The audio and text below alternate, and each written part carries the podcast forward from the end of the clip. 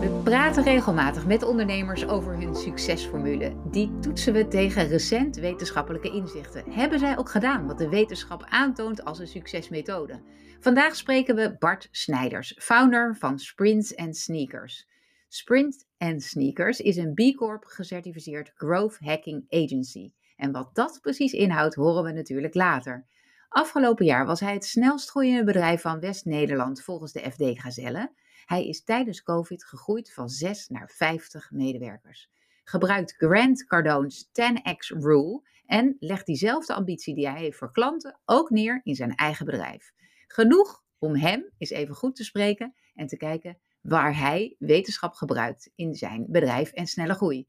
Mijn naam is Wendy van Ierschot. Je luistert naar de Werkprofessor podcast. Welkom Bart, leuk dat je er bent. Dankjewel. Hey, wat is eigenlijk jouw manier van ondernemen?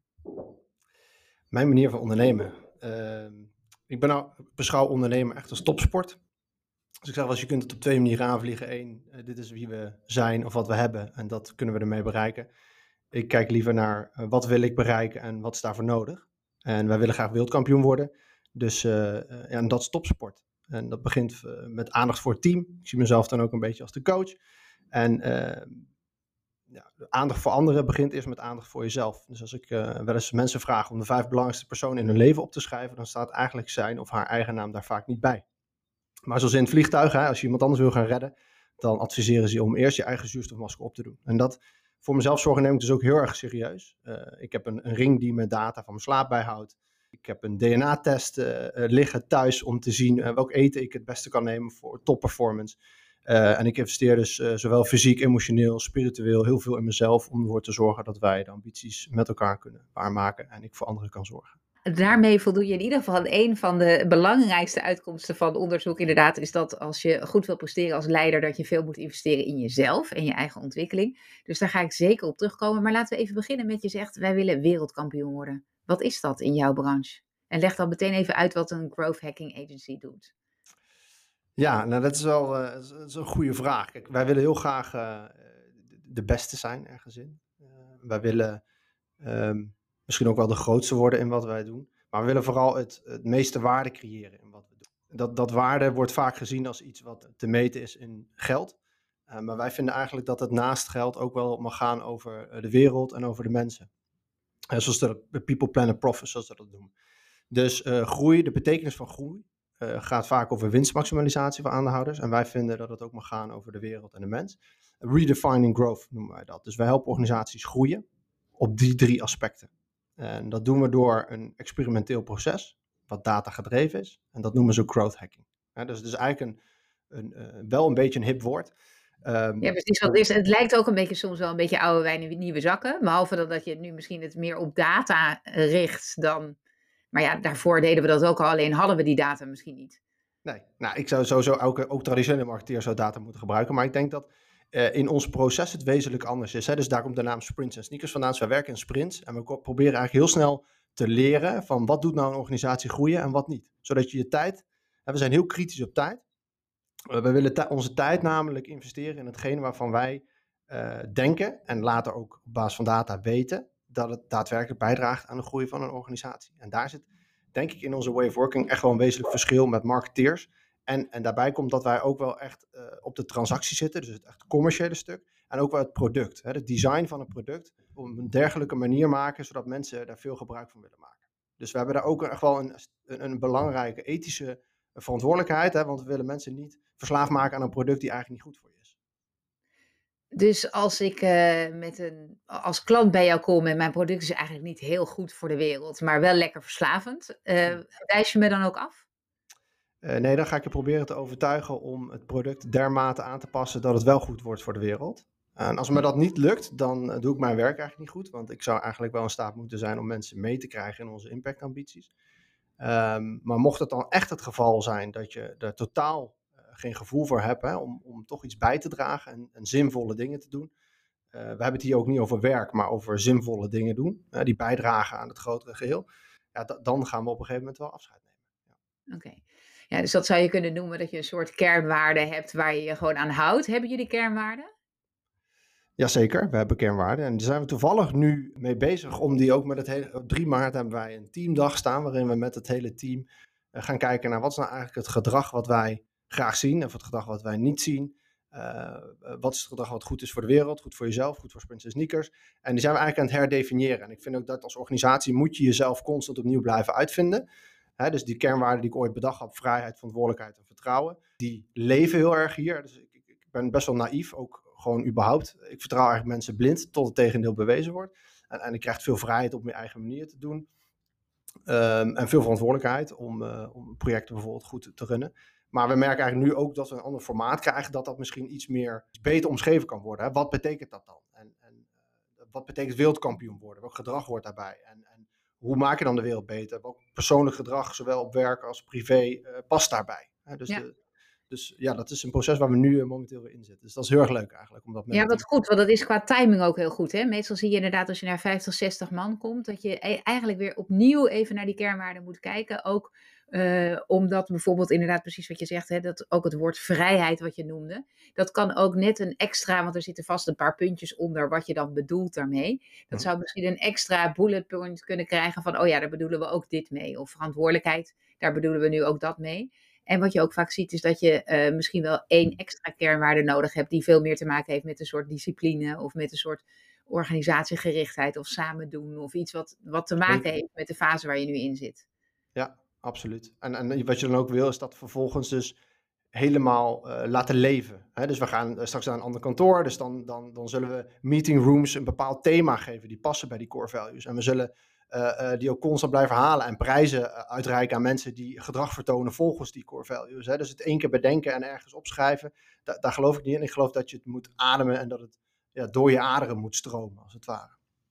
En dat klinkt heel goed. Het, grappig dat, uh, dat je dus inderdaad de dingen doet die, uh, die we ook uit onderzoek uh, zien dat dat helpt. Nou heb ik een aflevering gemaakt met Remy Gieling. Dat heette Kansen voor iedere ondernemer met ChatGPT. Nou, we kunnen op het moment niks meer, geen kranten openslaan en geen radioprogramma meer luisteren of het gaat daar wel over. Remy is voormalig hoofdredacteur van MT Sprout en oprichter van AI.nl. En uh, vooral die ontwikkeling van ChatGPT heeft heel veel impact waarschijnlijk in die marketing en growth hacking hoek. Zijn jullie al bezig met het gebruik maken van AI en welke ontwikkelingen zie jij? Uh, zeker weten, al wel een aantal uh, jaren eigenlijk. En ik, ik, weet dat ik nog een aantal jaren had ik een AI een blog laten schrijven. En dat had ik naast een blog van een stagiaire gelegd om te kijken of mensen het verschil konden zien. En dat komt en... toch wel uh, nou, dat was ongeveer 50-50, zeg maar. Dus dat, dat verschil wordt steeds kleiner en straks bestaat dat denk ik niet meer. Dus uh, ik vind het ook wel grappig inderdaad, uh, ChatGPT. En, en, weinig mensen kennen bijvoorbeeld DeepMind's Sparrow. Dat is Google's een variant die ongeveer vier jaar voorop loopt. en, en de reden waarom zij het volgens mij dus nog niet gelanceerd hebben, is, is omdat zij nog niet helemaal precies weten welk businessmodel daarachter moet hangen. Want nu verdient Google natuurlijk bakken met geld met, met advertenties. Terwijl die AI antwoord geeft op jouw vraag. Uh, die overigens niet altijd gelijk heeft. Hè? Dus dat, dat zit nu nog in mensen hun hoofd. Uh, maar uh, er zijn gewoon voorbeelden waarin, waarin de informatie eigenlijk helemaal niet juist was. Maar het geeft wel informatie op een hele prettige manier. En wat wij dus doen is dat we het heel erg toepassen in geautomatiseerd teksten aanpassen. Bijvoorbeeld in advertenties. maar natuurlijk ook in de, in de creatie van content. En we zien dus dat het niet, niet alleen textueel, maar ook visueel kan worden toegepast. Dus uh, stokfoto's en dergelijke zijn wel echt verleden tijd. Hè? Dat, dat, dat kan niet meer. En, en uh, visuals maken, hè? designers voor, voor advertenties en, en, dergelijke dingen, daar zijn nu AR-oplossingen voor. Uh, die echt prachtige afbeeldingen maken van teken een astronaut op een wit paard in Van Gogh-stijl. Dus dan gaat het heel erg over hoe je de, um, de orde geeft om iets bepaalds voor jou te gaan creëren. En dat is, ja, dat is een gigantische ontwikkeling die waar ik heel erg naar uitkijk eigenlijk de aankomende jaren. Want dat gaat zo'n verandering teweeg brengen. Dat is uh, heel bijzonder eigenlijk, denk ik. Ja, ik ben ook echt helemaal super excited over wat er aan de hand is. Ik heb een uh, zoon, die is 19 en die uh, heeft heel veel ambitie om ook zijn eigen bedrijf te beginnen. En ieder idee wat hij heeft, wordt even bij mij getoetst. En toevallig waren we gisteravond ook in gesprekken over hoe mooi het wel niet zou zijn als zo'n ChatGPT-achtige oplossing gewoon uh, standaard over je website heen gaat en jouw blogs die je zelf geplaatst hebt, uh, beoordeelt van hey, deze doet het eigenlijk niet zo goed. En als je hem zo verandert, sterker nog, ik verander hem even voor je, net even andere woord gebruikt, net even een andere catchy titel, dan wordt hij wel opgepikt. Dit bestaat. Uh, gaan we dat dan snel zien, denk je? Ja, dit bestaat dus al. Hè? Dus die OpenAI, die, die engine daarvan, die wordt al door veel andere softwareproducten toegepast. En dit is bijvoorbeeld een voorbeeld uh, de, de, dat blogs automatisch worden aangepast op de juiste woorden, geüpdate worden, want dat vindt Google belangrijk. Hè? Dat soort zaken, dat zie je. Ja, dus dan heb je een soort levende website al, dat, dat, dat kan nu. Zeker, en zeker in ons vak, waarbij we proberen zoveel mogelijk te automatiseren, want dus, hoe meer je automatiseert, hoe meer je dus tijd overhoudt voor, voor, voor andere werkzaamheden, en we zijn dus heel kritisch op tijd. Dan zie je dus dat, dat je automatisch blogs kunt genereren, die automatisch kunt pushen naar een website, die automatisch weer worden geüpdate met, met nieuwe inzichten, andere woorden, et cetera. Dus dat, je kunt er eigenlijk een soort machine van bouwen die helemaal uh, zelfvoorzienend is in uh, contentcreatie en publicatie en, en, distributie. En blijft er dan nog wel wat werk voor jullie over eigenlijk? Hoe ja, dat is een goede vraag. Ja, dus wij doen uh, gelukkig vaak retrospectives om nou echt constant kritisch te zijn. Wat zijn we eigenlijk aan het doen? En is dat wel het goede? En ik, ik zeg dan ook wel eens, doe je de dingen goed of doe je de goede dingen? Uh, dus dat is voor mij altijd heel belangrijk om, uh, om mezelf af te vragen. En ja, zoals ik zei, ik denk dat er heel veel gaat veranderen. En ook in onze rol. Dus het, het, het aansturen van die AI's. Hè, dus dat daar, daar ligt een rol voor ons. Maar ook in de, in de creatie van content gaat het dus niet meer alleen over zomaar iets schrijven, maar heel erg een opiniegedreven content. Hè? Want ik denk dat daar AI nog wat achterloopt. Dus dat, die kan nog niet makkelijk een mening vormen ergens over. En daar. En, en natuurlijk de creativiteit in de merkstrategie, maar ook in je campagnes en dergelijke. Dat, dat blijft wel, maar dat zal, er zal wel een hoop gaan veranderen. Dat weet ik wel zeker. Ja. En dat is dus ook heel uh, inspirerend natuurlijk om, uh, om daarmee om te gaan. Jullie hebben ook een uh, bepaalde manier van hoe je je organisatie gestructureerd hebt. Je zei al, wij werken met sprints.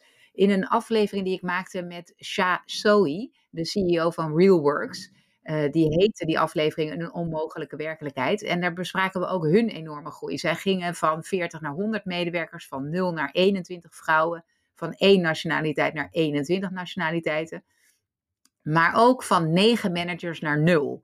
Dus hij noemde dat een van de dingen die zij hebben gedaan, namelijk zijn team volledig zelfsturend te maken. Uh, en dat dat juist uh, enorm bijdroeg aan de groei van zijn bedrijf. Hoe zijn jullie georganiseerd?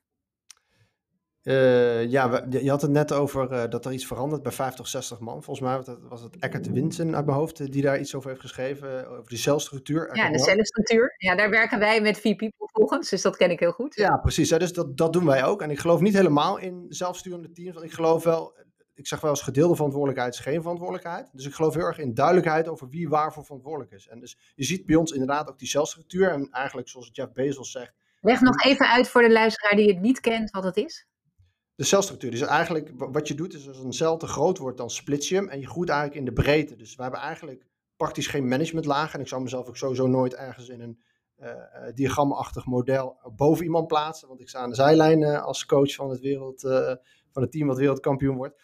Um, maar het idee is om, om, om je organisatie klein en het woord agile, sorry, maar hè, dus, dus bewegelijk te houden, zodat je op die manier ook ja, eh, korte lijntjes, snel kan schakelen, snel kan anticiperen op veranderingen en, en, en dat soort zaken. Dus um, wat wel weer, uh, wat ik heb gemerkt als je hard groeit, de uitdaging mee, meebrengt met qua communicatie en dat soort zaken. Want eerder als wij met z'n zessen waren, gingen wij, werd op woensdagmiddag geroepen van, hey, we gaan vanavond een bootje varen. En dan stond iedereen op die boot.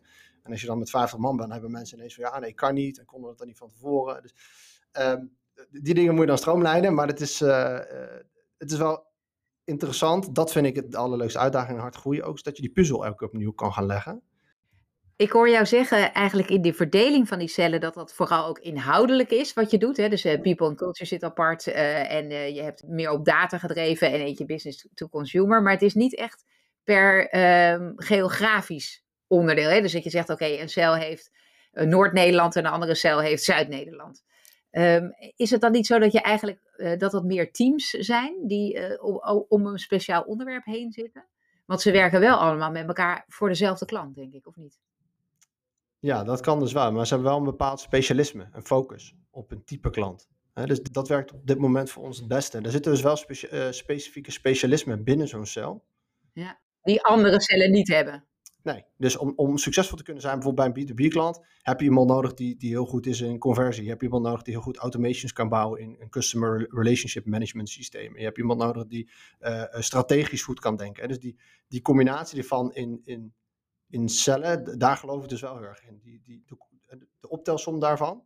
die moeten een klant succesvol maken. En dan bijvoorbeeld data-analyse is weer ondersteunend aan Sociaal en content bijvoorbeeld ook. Omdat dat meer ondersteunende processen zijn die nodig zijn in het, in het growth hacking proces. Oké, dus je hebt uh, in een cel zitten voor jou de belangrijkste functies die je nodig hebt om voor succesvol te zijn voor een klant. En die cellen kunnen vervolgens ook nog support in, inhuren of regelen uh, in je eigen bedrijf, maar zeg maar gebruik maken van andere cellen. Yes. Klopt dat? Ja, Alright. precies dat. Goed. Um, en als het gaat over het opleiden van mensen, wat eigenlijk zie je in die, in die fase waar je nu zit, dat je toch wat meer management op de een of andere manier nodig hebt. Dus uh, jonge mensen komen binnen en die moeten wel het vak leren. En vroeger leerden ze het vak omdat ze dicht bij jou zaten. Nu moeten ze het vak op een andere manier leren. Hoe, hoe doen jullie dat? Ja, dus um, dat, is, dat is sowieso een goede vraag. Um, we investeren veel meer tijd, denk ik, dan veel andere organisaties. Dus ik zeg wel eens outlearn everyone.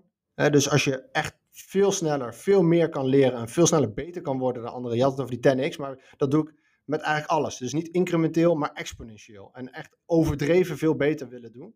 Um, dus elke vrijdag hier uh, wordt gespendeerd aan de allerbeste blijven, uh, hoop ik, in, in hetgene wat we doen. Um, we, hebben, we hebben een volledige academy. We hebben een gigantisch onboardingsprogramma waar mensen doorheen gaan. We hebben een leadership programma, zelfs een pre-leadership programma van wat zijn potentiële leads in, het, in de toekomst. Um, daar wordt mega in geïnvesteerd. Ja, wat ik net al zei, dus het people and culture team verhoudingsgewijs is bij ons best wel zwaar. Omdat ik ook die aandacht voor de mensen vind ik, vind ik super belangrijk. We hebben ook een, een, programma dat heet Quality of Life. Waarbij we meetbaar gaan kijken naar, oké, wat is de kwaliteit van jouw leven? En dat leven hoeft niet altijd leuk te zijn, hè? dus je mag ook wel een keer verdrietig zijn. Maar wij willen uh, zoals we ons werk data gedreven doen, willen we ook data gedreven kijken naar, oké, uh, hoe scoort jouw leven nu? Waar zit jij in je ontwikkeling? Wat is je talent? Waar wil je naartoe? Wat kunnen we toepassen? Et cetera. Dus daar... Ik hoor dat je ook dat aanwijst. Hè? Dus dat je op, de, op, de, op je bureau dat zit aan te wijzen. Ja. Van hier willen we naartoe daar. Maar dat horen de luisteraar ook. Ja. dus, uh, maar ik begrijp, dus je, je maakt een hele belangrijke uh, focus van hoe leer je het beste en hoe raak je sneller dan de concurrentie vooruit in je vakgebied. Ja, want, want dat is ook wat in onze werkwijze zit. Is eigenlijk dat we heel snel proberen te leren. Uh, wat doet nou een organisatie groeien en wat niet? En, en zo zit dat met mensen. Dus uh, in die zin wil je kijken naar wie heeft welk talent. Waar kunnen we dat het beste toepassen? Waar wil iemand echt, wat vindt diegene leuk? Waar wil die heel erg goed in worden? Hoe kun je dat het beste uh, inzetten om in de hele organisatie ook toe te passen, als het ware? Dus onze belangrijkste taak is ook om de, de de expertise van mensen op het juiste moment bij de juiste klant in te zetten. En dat, dat zeg maar in, in een systeemproces te vatten, um, zodat we succesvol worden. Uh, nou klinkt dat wel alsof je ook veel investeert in mensen. En heel veel bedrijven hebben niet het gevoel dat ze daar het geld of de middelen toe hebben. Uh, jij zegt ik heb een behoorlijk uh, grote aandacht voor people en culture ook. Hoe betaal je dat? Eh, ja, dat, dat, is een goede vraag. Wij zijn financieel wel gezond. En het is ook maar net waar je prioriteit aan geeft. Dus wij, dus er zijn andere agencies die misschien een uh, EBITDA van 40% hebben. Dat hoeft van ons niet. Dus wij vinden de ontwikkeling van mensen belangrijker. Um, daar wordt dus uh, zowel geld als aandacht aan uh, besteed. En dat is dus een, een, keuze om te doen. Ja, dus je, je, laat gewoon iets van je winst liggen om hierin te investeren met het idee dat je sneller groeit. Ja, ik denk dat als we dat niet doen, dat dat heel korte termijn gedacht is. Dus um, wij vinden dat we dat geld moeten investeren en die tijd en die aandacht. En, want anders gaat het lange termijn gaat het nooit winnen. Wij moeten wereldkampioen worden. En, en ik denk dat dat ook wel iets is wat, wat. Wij kijken hier echt wel 10, 15 jaar vooruit. En ik heb ook wel eens gezegd: van ik ben aan het nadenken over mijn 100 jaren plan. En dan zeggen mensen 100 jaar, maar dan besta je niet meer. Ja, maar het gaat ook niet om mij. Het gaat om wat wij met elkaar proberen te creëren en achter te laten. Hoe wij de wereld een stukje proberen mooier te maken. En dat, als je zo vooruit, vooruit gaat denken, ga je dus ook niet zeggen van, oeh, ik ga nu geld besparen op mensen Terwijl die, die, mensen hebben wij straks heel hard nodig om een, een bepaalde leider te worden. En uh, om de allerbeste te blijven in wat wij doen. Dus dat, uh, ik denk dat dat investering is in de langetermijn groei. Mooi. Voor de luisteraar even die misschien wat later invalt. We spreken met Bart Snijders. Hij is de founder van Sprints en Sneakers. En we hebben het erover hoe hij zo succesvol is gekomen van de 6 naar 50 medewerkers in de periode van COVID. En ook de snelste groeier van West-Nederland werd vorig jaar in 2022 bij de FD Gazelle. Um, Bart, je zei het net al even van uh, je, stelt hele grote en verre doelen. Hè, van uh, waar zijn we over 100 jaar? Ehm, dat, dat lijkt inderdaad ook iets over wat Grant Cardone, wat ik ook bij de inleiding al zei, die 10x rule, dat is iets wat jij gebruikt. Kan je voor de luisteraar die nog nooit van Grant Cardone heeft gehoord en ook niet van de 10x rule, eens even uh, kort schetsen wat dat betekent? Want dan sluiten we daarmee af. Ja, uh, de 10x rule, het is wel echt heel lang geleden dat ik die gelezen heb. Maar ik denk, het verschil wat we hier in Nederland zien met, met bijvoorbeeld uh, de, Amerikanen, is dat, uh, volgens mij heeft Bill Gates ooit een keer gezegd van, we onderschatten, we overschatten wat we in een jaar kunnen doen, we onderschatten wat we in tien jaar kunnen doen. En het interessante vind ik, en dat, dat past heel erg bij ons, dus die, die growth mindset, het, het altijd leren, het altijd beter doen, alles optimaliseren en in jezelf investeren, maar ook het groot denken. dus als je ik zeg vaak, als je groot denkt, en dat maakt niet uit als we die doelen niet halen. Jeff Bezos vindt het ideaal als je op 70, 75% van je target uitkomt. Maar het groots denken dwingt je ook om, om op een andere manier dingen aan te vliegen. dus dan, dan, dan ga je niet uh, je verjaardag op, een, uh, op je kantoor vieren. Maar wij hebben vorig jaar een festival georganiseerd met de Goldband. En dat is nu de beste band van Nederland. En dan ga je niet een klein beetje investeren in mensen. Maar dan ga je elke vrijdag volgens echt een strikt programma gigantisch investeren. Dus je gaat groter, en wat ik zei, dat exponentieel versus incrementeel. Het grootser denken en op die manier um, ook meer ambities waarmaken. Omdat als je op keer drie mikt, en dan keer tien is in een agency um, misschien wat onhaalbaar, operationeel gezien. Hè, maar als je op keer drie mikt, kom je op keer twee uit. En als ik op keer twee zou mikken, zou ik op onhalf uitkomen. En dat is niet genoeg. Dus het groots denken, dat, uh, ik denk dat veel ondernemers dat uh, wat meer zouden mogen doen. Ook al is dat ver weg. En ook al haal je dat misschien nooit. Hè, dus als ik 10.000 mensen uh, zeg in, on, in ons team, dan uh, weet ik niet of ik dat ooit ga halen, maar het is een hele grote ambitie. Dus dat dwingt mij om ook groots te denken. Precies, en om ook al nu te investeren in die toekomst, als je dat voor ogen ziet uiteindelijk, dat is inderdaad de grootste kans dat je het in ieder geval uiteindelijk, dat je de kans maakt op dat je dat haalt inderdaad. Maar wat heeft eh, ervoor gezorgd dat jij zo groot kan denken? Want het is precies wat je zegt, het is niet heel Nederlands. Dat is een hele goede vraag. Daar heb ik nog niet uh, vaak over nagedacht. Ik, ik, ik denk dat ik uh, ambitieus ben en dat ik dat, dat durf te benoemen, als het ware.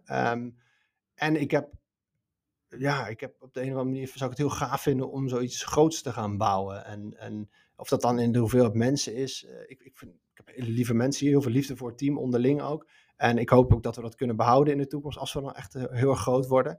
Um, maar ik, ik zou het mooi vinden als ik iets kan achterlaten dus, dus vooral iets wat we hebben opgebouwd, waar, waar ik dan achteraf op kan terugkijken en zeggen van, hey, gaaf, weet je, nou, ik heb een zoontje van anderhalf, ik weet niet of het een familiebedrijf wordt, dat maakt ook niet uit. Ik hoop, ik hoop dat iedereen hier straks mede-eigenaar is van Sprint Sneakers, want daar, daar hebben we ook allemaal middelen voor en we doen het met elkaar.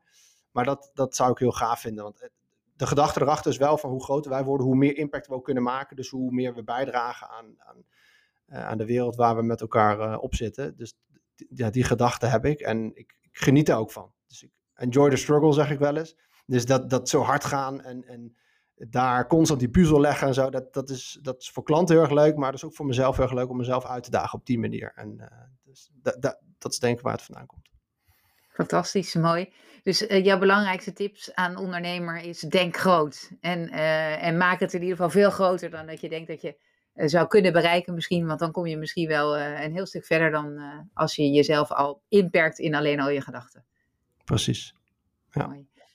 Uh, mag ik jou heel hartelijk danken, Bart, voor al je tijd en je inzet uh, om jouw ervaringen met ons te delen. Het is uh, heel erg leuk om te horen dat jij ook echt een aantal elementen die ook in de wetenschap naar voren komen, van het investeren in jezelf, mensen in je team de ruimte geven, die cel, hè, hou het klein, maar ook een duidelijk doel van waar gaan we naartoe. Uh, dat je dat uh, zo mooi uh, toepast. Ik wens je heel veel succes en ik hoop dat jouw droom uitkomt en dat je dat neer gaat zetten, want dat is ook wat we in Nederland, vind ik, veel meer kunnen gebruiken, ondernemers met veel ambitie. Dus dank je wel daarvoor. Dank je wel, graag gedaan. Voor de luisteraars, ehm, mocht je ideeën hebben, vragen, opmerkingen, suggesties voor sprekers, laat het me weten op wendy apenstaartje vpeople.com en V schrijf je met V-I-E. Graag tot de volgende keer.